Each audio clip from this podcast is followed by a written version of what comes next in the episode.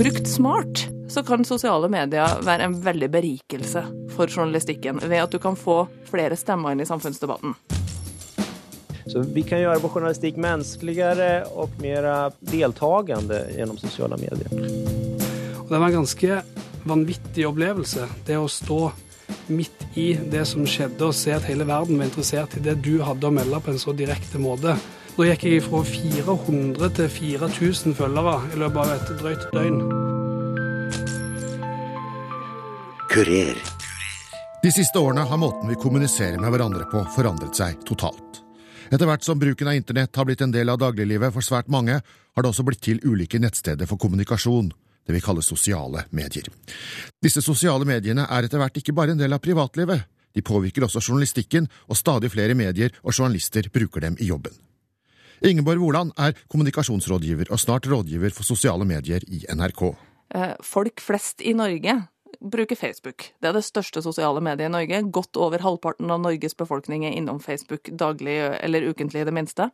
Og så har du Twitter, som mange journalister er veldig opptatt av og glad i, og det skjønner jeg veldig godt. Eh, Twitter eh, har en periode Jeg har ofte pleid å sammenligne Facebook med NRK P1 og Twitter med NRK P2.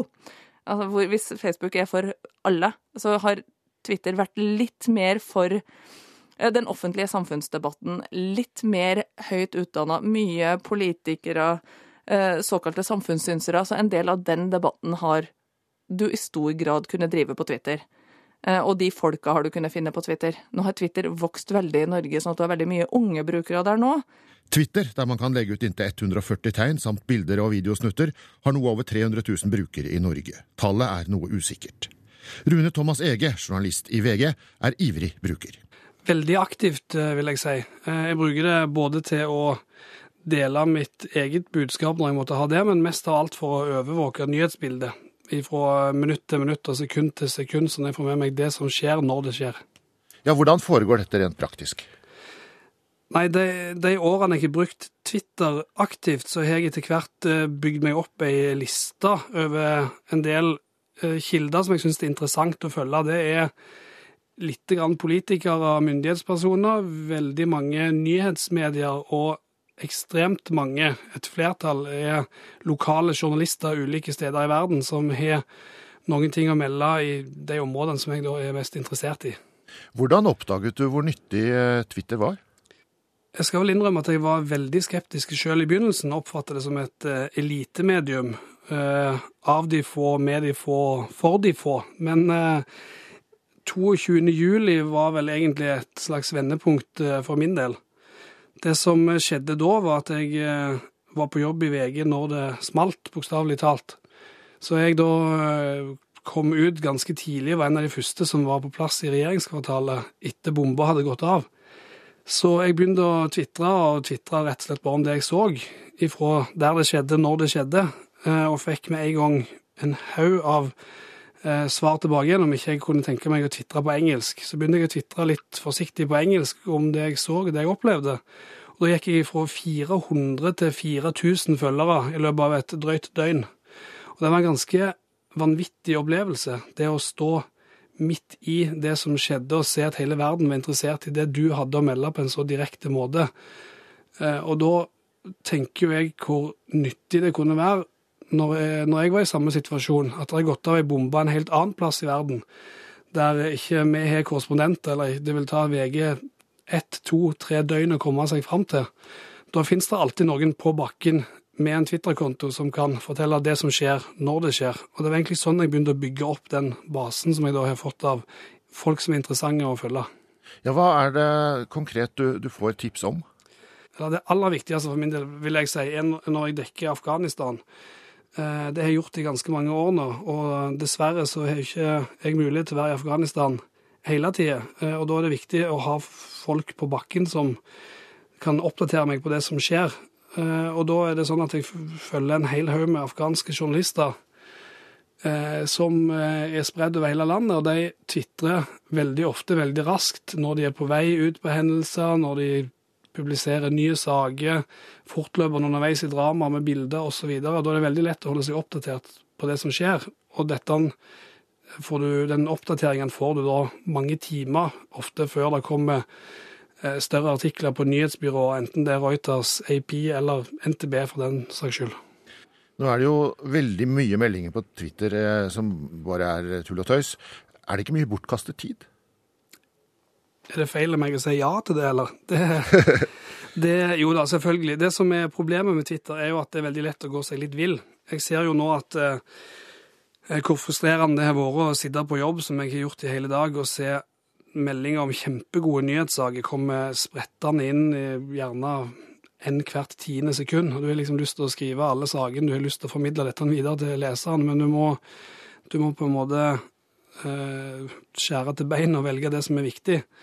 Så, så det, men det er jo et luksusproblem, da. Så lenge du eh, klarer å leve med å behandle den strømmen av saker og informasjon som kommer inn, så er Twitter et vanvittig nyttig medium.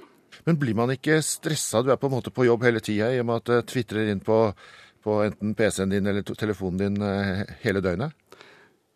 Jeg tror nok at vi journalister i dag har vanskeligere for å skru av enn de som eh, jobba som journalist for ti år siden, i og med at du hele tida har kontoret med deg i lomma på iPhone som eh, jobben har vært så snill å gi deg. Eh, men eh, du må bare skru av innimellom, og det er jo det fins forskjellige måter å bruke Twitter på. Jeg merker når jeg er hjemme og har fri og kikker innom Twitter, så scroller jeg forbi det som, det som er ikke er aktuelt for meg å bry meg så mye om akkurat da. Så det går, det går, an å skru av, men det er klart det er vanskeligere nå enn det var for ti år siden.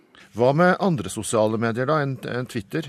Er det noe nyttig for uh, en uh, avis- og, nettjournalist?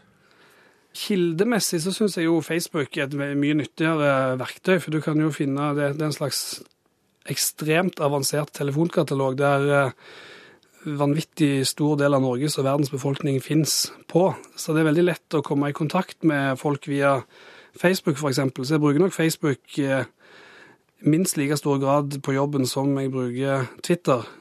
Har eh, VG noen spesiell politikk når det gjelder bruk av sosiale medier?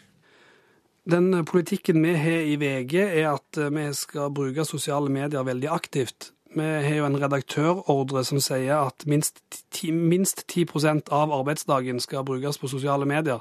For det skaper en mer dynamisk journalistikk så lenge det blir brukt på riktig måte. Ege legger til at sosiale medier ikke må komme istedenfor møte med folk ansikt til ansikt. Det er fortsatt viktig for en journalist. Rådgiver Ingeborg Woland mener sosiale medier har gitt journalisten en mulighet til tettere kontakt med folk. Og det er den viktigste oppgaven en journalist har, det er å snakke med folk. Har de på en måte erstattet den gammeldagse journalisten som ikke har satt seg på kafeen? Nei, Jeg vil ikke si du har erstatta det, men det har kommet som et godt supplement til. Og journalister i dag er ganske travel, så ofte har du ikke tid til å bare gå og sette deg på kafeen og høre på hva folk sier. Og Da er internett og sosiale medier en, hva skal jeg si, et fint supplement til den kafeen. På hvilken måte påvirker det innholdet da, tror du? Um, jeg tror brukt smart så kan sosiale medier være en veldig berikelse for journalistikken, ved at du kan få flere stemmer. Fordi en av de fine tingene ved sosiale medier er at vi klarer å holde samtaler gående med mange flere personer på en gang. Eh, så på det aller beste så tenker jeg at eh, vi får flere nye kilder og flere stemmer inn i samfunnsdebatten. Og så er det selvfølgelig noen fordeler ved at du kan få folk til å hjelpe deg som journalist. Eh, jeg har i hvert fall erfart det som journalist, at overraskende ofte så visste folk mer enn meg. Det er jo litt sånn generasjonsting også, er det ikke det fortsatt? Selv for journalister?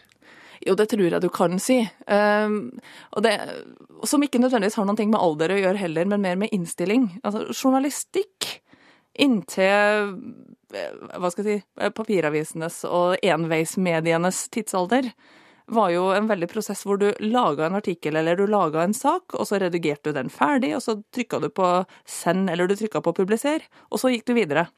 Det som er litt interessant med internett og sosiale medier, at da er jo egentlig saken bare halvferdig, fordi mye av det interessante skjer etter publisering. Og det krever en liten sånn omstilling i hodet til journalister. Kan det gi makt å forstå mekanismene i sosiale medier? Å ha innsikt i det? Ja, det tror jeg. Eh, jeg tror du vil se at en del har eh, vært veldig flinke til å bruke sosiale medier til å komme i medias søkelys. Eh, det gjelder at du har fått fram nye skribenter, nye samfunnssynsere, eh, som har f.eks. tatt i bruk blogg som en arena for å bygge opp seg sjøl. Eh, og det kan være bra, og det kan også være mindre bra i noen tilfeller. Så det absolutt tror jeg det ligger makt i å bruke sosiale medier. Du ser også politikere som er flinke til å bruke sosiale medier, blir veldig fort sitert i media på bakgrunn av det de har skrevet sjøl. Så definitivt snarvei inn, fordi det er veldig tilgjengelig informasjon. Sveriges Radio har laget en egen håndbok for deres journalister som bruker sosiale medier. Den er også oversatt til engelsk og spredt til radiostasjoner rundt om i Europa. En av forfatterne er nyhetssjef Jonas Edlund i P4 Ørebro. Ja, det fanns et behov av, av en sånn eh, samlad informasjon kring hvordan man skal jobbe med sosiale medier, og framfor alt hvorfor man skal gjøre det, og hvilke fallgroper som finnes også kring sosiale medier.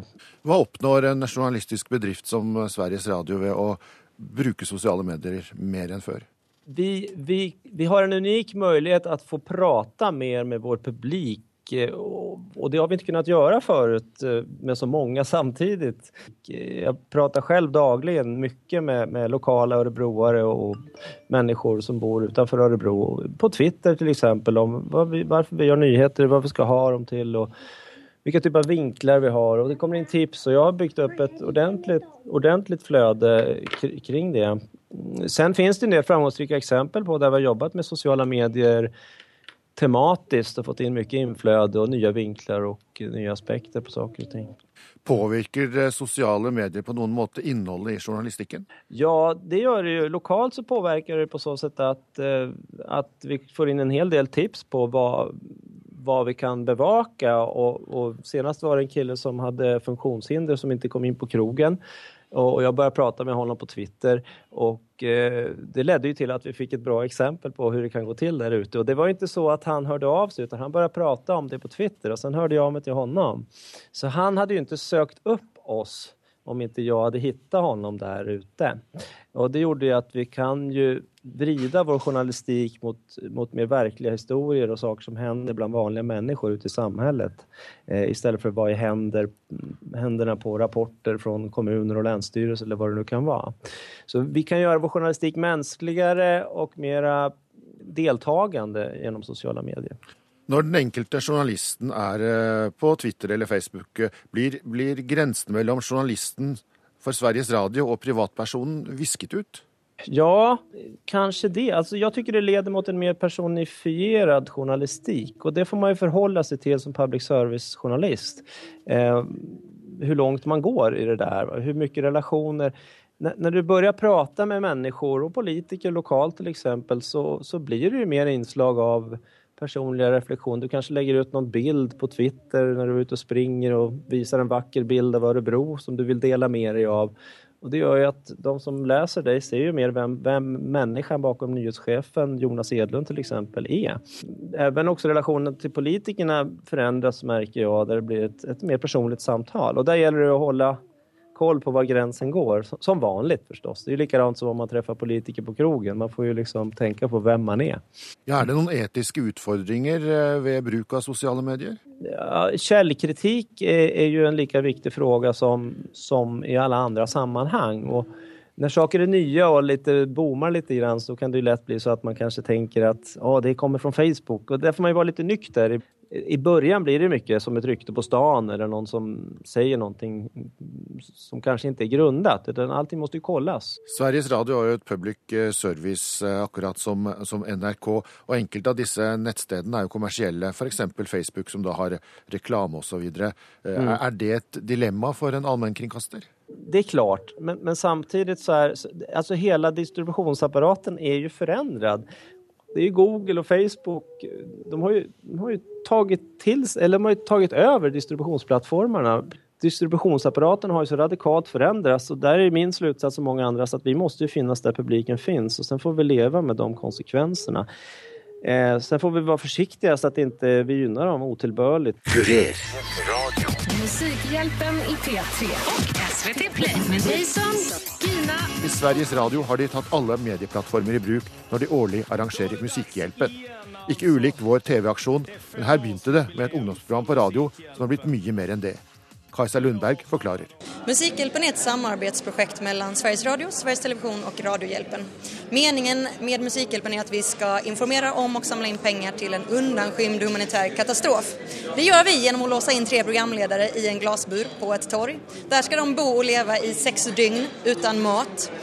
Og spille så mange ønskelåter som mulig som publiken ønsker via sin mobiltelefon. Man ønsker en låt via telefonen, skänker 50 kronor eh, och därmed så har man hjälpt till i kampen för just det temat som vi använder just det året. Det er altså først et radioprogram, så blir det filmet og kommer på TV. Men så skjer det mange ting rundt på andre plattformer også. Ja, men vi har ju lärt oss att det är inte bara ett radioprogram som blir filmat utan Musikhjälpen är också en egen värld bland våra 150 000 Facebook-fans. Där kan vi berätta stories som vi kanskje ikke berättar inne i glasburen. Eh, på vår aktionssida, vi aktionerar også ut väldigt många grejer under den här veckan, tusentals aktioner startar. Det er en annen värld der vi kan berätta andre stories om de här aktionsprylarna. Eh, på torget, et publikt event, det er ju såklart en story också. Och sen såklart alla de där storiesarna som vi möter med folk runt om i landet som samlar in pengar på ett eller annat sätt. Nå er det sånn at dere, får, dere har holdt på i fem år, at dere for hvert år finner nye plattformer, nye Ja. steder å være. Absolut, ja, men det gör vi. Eh, definitivt, det kommer till några plattformar för varje år. Nu, nu, förra året så kunde vi jobba på ett helt annat sätt med Instagram eftersom att det var i förra året det hände med Instagram. Vi kunde skapa en ny digital insamlingskarta där alla kunde sätta upp sina egna initiativ via en digital nål på kartan och på så sett sätt mötas på ett annat ställe än i glasburen. Eh, vi, ska, vi byggde också en digital insamlingsbössa istället för att skramla bössa med en plastburk på stan så kunde man skramla sin egen telefon och Altså, samla sms. hvordan, hvordan fungerte det? Jo men det fungerar som så att man laddade hem en applikation och sen så gick man ut på stan och sa hej vill du vara med i min insamling? Ja det vill jag. Okej vad har du för telefonnummer? Jag knappar in ditt telefonnummer och så kommer ett sms till dig där det står så här vill du vara med i Kajsas insamling? Om du svarar okej då så dras det då 50 svenska kronor från ditt kort. Og de pengene går da rett til Och det går direkt till Musikhjälpen. Har dere tenkt mye strategi når dere har lagt opp dette her? Men det vi har lært oss er att göra strategier för alla olika plattformar. Det går inte att trycka ut allting på alla plattformar utan vi måste tänka smart. Okej, vilket språk använder vi här? Vilket språk använder vi här? Eh, allting passar inte för alla plattformar. På Facebook vill man ha korta klipp, ja men lite längre klipp, det klarar man på webbsidan. Man vill ha ett mer avslappnat språk på Facebook men på auktionssidan vill man ha ett mer seriöst språk för där handlar det om att man ska köpa saker. Men dere, dere svarer også på alle spørsmål? Ja, men vi, vår strategi är att vi ska svara på allting som kommer in. Det finns ingen konversation som varar i det var- vardagliga livet om jag pratar med dig och du inte svarar mig. Det är klart att jag inte fortsätter prata med dig då. På samma sätt fungerar det på sociala medier. Du måste svara om någon ställer en fråga till dig. Her og nå er NRK P1 og Norsk Radios største nyhetsmagasin. Og bortsett fra en Facebook-side med et par tusen likere, som mest brukes til å reklamere for dagens sending, så bruker redaksjonen lite sosiale medier. Erik Skarre, redaksjonssjef, eh, hvorfor ikke det? Nei, eh, for det første så har vi ikke prioritert å bruke noe særlig ressurser på det. Jeg tror det er slik at hvis man skal ha noe utbytte av det, så må man bruke tid på det, og bruke eh, si, tid over tid, og legge en del i det. Og det har vi rett og slett ikke prioritert å, å gjøre. Så har jeg òg et inntrykk av at terskelen for å ta kontakt med nyhetsredaksjoner er noe høyere enn å snakke med litt mer i underholdningssjangeren. Det virker sånn i hvert fall, av det vi har prøvd i litt det små, små før. Tror du at du går glipp av noe, f.eks. ved ikke å bruke Twitter aktivt? Ja, det gjør vi sikkert. Eh, Jeg tror nok vi kunne fått en del tips eh, hvis vi hadde vært aktive på det. Eh, Vi er nok litt sånn, ja ikke bare litt tradisjonelle, veldig tradisjonelle og konservative på bruken vår, at vi sprer alt vårt ut til de store massene og, får, og forventer vel kanskje også å få lite igjen.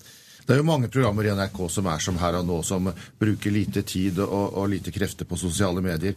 Tror du det er eh, gammel vane, eller er det redsel for å sløse bort tid på noe som ikke gir det stoffutbyttet man trenger? Jeg tror det er en kombinasjon av flere ting. Eh, Det er nok en del gammel vane. Eh, Vi jobber jo i en bedrift hvor eh, mye har vært gjort likt over i både år og tiår for den saks skyld. og det er nok ikke noe hemmelighet at en, del av oss ikke har tatt helt den store virkeligheten inn over oss, selv om det har skjedd veldig mye på internett siden et NRK de senere år har vært satsa veldig hardt på. Men jeg, jeg- tror det viktigste NRK gjør, er nok å finne ut hvilke steder man skal sette inn støtet. Eh, og da tror jeg kanskje at i underholdningssjangeren og de litt mer programlederprofilerte redaksjonene, at det er mer å hente enn i de tradisjonelle nyhetsredaksjonene. Het is eh, negen minuten voor half acht. Wij gaan weer eventjes naar Mark Robin Visser. Vandaag praat... Dette er Lara Rense i nederlandsk Radio 1s morgensending. Nederland er et av landene i verden der flest bruker Twitter, og Lara henter mye av sine nyheter fra sosiale medier. Noe av det første hun gjør når hun står opp halv fem om morgenen, er å sjekke Twitter, Facebook og nettet. Da er hun allerede forberedt før hun kommer på jobb. Redaktør for morgensendingen på Radio 1 er Anja Lechemat. Hun forteller at de bruker Twitter aktivt, og ikke følger bare politikere og andre journalister, men også vanlige folk. People who encountered us or tweeted to us and are sharing their views with you, we started to follow them back. So we follow bus drivers, uh, students, like anyone. Et eksempel på hva de får ut av det, er når en togfører legger ut et bilde av en skinnegang med snø på. Uh, a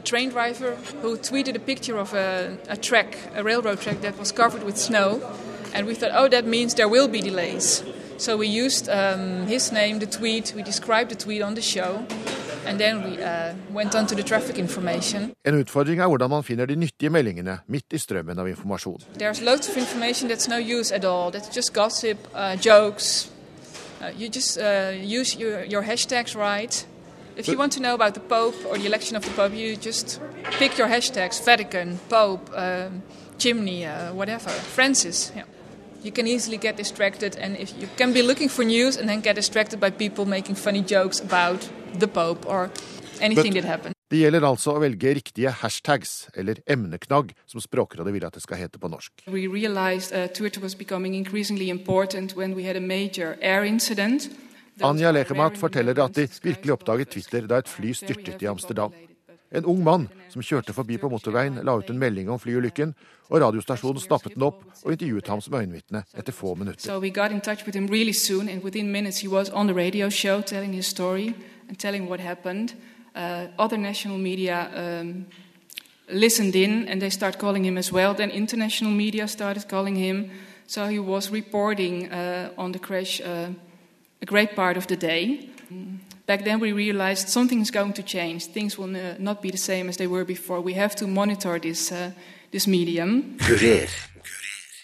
Erik Nodland, du er mediedirigent i Se og Hør. Og på hvilke måter er sosiale medier nyttige for et blad som Se og Hør? Eh, Se og Hør bruker de sosiale mediene aktivt sjøl, pluss at vi selvsagt eh, holder god kontakt med kjendiser og interessante profiler. Eh, Hva de selv legger ut på sosiale medier. På hvilken måte kommuniserer kjendisene med dere, og, og kanskje også da fansen via sosiale medier? Ja, de er jo ganske Mange av dem er ganske personlige og, og private på de sosiale mediene. For det første så får vi direkte tips derfra. For det andre så får vi mer sånn indirekte tips. Hvis det er en puslespillbit vi mangler, så kan vi kanskje finne ut mer om det ved å, å, gå inn på sosiale medier. F.eks. hvis vi jobber med en sak der vi skal avsløre hvilke ti personer som skal være med i Skal vi danse, og så vet vi åtte, og så mangler vi to. Da kan vi gå inn f.eks. på Instagram, Twitter eller, eller Facebook og finne ut f.eks. om ja, aktuelle kandidater da, plutselig sier at øh, og i september skal jeg gjøre noe spennende, kan ikke si hva det er. Og Så kan vi legge sammen to og to. Ok, kanskje vedkommende skal være med i Skal vi danse. Så ringer vi og sjekker det, og så, og så plutselig har vi en ny, god sak på det. Har eh, de nye eh, sosiale mediene forandret kjendisjournalistikken på noe vis? Nei, jeg tror egentlig ikke det. Det, det er mer det at eh, vi kommer bedre i kontakt med våre egne lesere også. Da. At vi, det er veldig lett å se hva de er interessert i. Eh, Og da kan vi rette journalistikken mer mot det de er interessert i, enn det vi kanskje før trodde de var interessert i, men som var de ikke så interessert i likevel. For eksempel så skriver vi vi skriver mye mer om, eh, om motestoff og, og kjoler og sminke, altså sånne skjønnhetsting og, og pene, vakre bilder. Eh, Fordi det er, i hvert fall på sosiale medier og hos oss, så virker det som om det er mer populært enn kanskje det uheldige bildet som vi kanskje i gamle dager hadde en tendens til å tro var det morsomste bildet. Eh, Folk vil heller se et vakkert bilde av den de liker, enn å se et litt uheldig bilde av den de eh, liker. Som vi har hørt, sosiale medier brukes og brukes ikke i ulike redaksjoner. Og forandringene skjer fort. Jeg ber Ingeborg Woland prøve å titte i krystallkula og si noe om framtida. Jeg tror det største potensialet som ikke er tatt ut enda, eh, er altså, journalistikk laga med hjelp fra lesere og brukere der ute. Altså det at journalister tar åpent tør å fortelle om jeg jobber med dette sakskomplekset. Eh, Hva vet du om det? Eller eh, hvordan er det der du bor? Du ser elementer av det når eh, norske medier f.eks. legger ut norgeskartet over fødesituasjonen og ber folk å fortelle hvordan er det der du bor. Det, det gjør journalister i stand til å gjøre en jobb som tidligere var altfor arbeidskrevende. Og det er viktig. Hva får det å si for journalisten når man da eh, mye lettere blir kikket i kortene av eh, lesere, lyttere og seere? Jeg tror det først og fremst betyr at du er nødt til å være helt sikker på at du leverer god journalistikk. Så det er veldig disiplinerende for journalister, tenker jeg, å åpne opp for sine metoder og invitere folk mer inn i journalistikken. Eh, Da kan du ikke etisk sett ta noen snarveier. Du vet at det vil bli stilt spørsmål ved alt du gjør, så da er du himla nødt til å være en god journalist.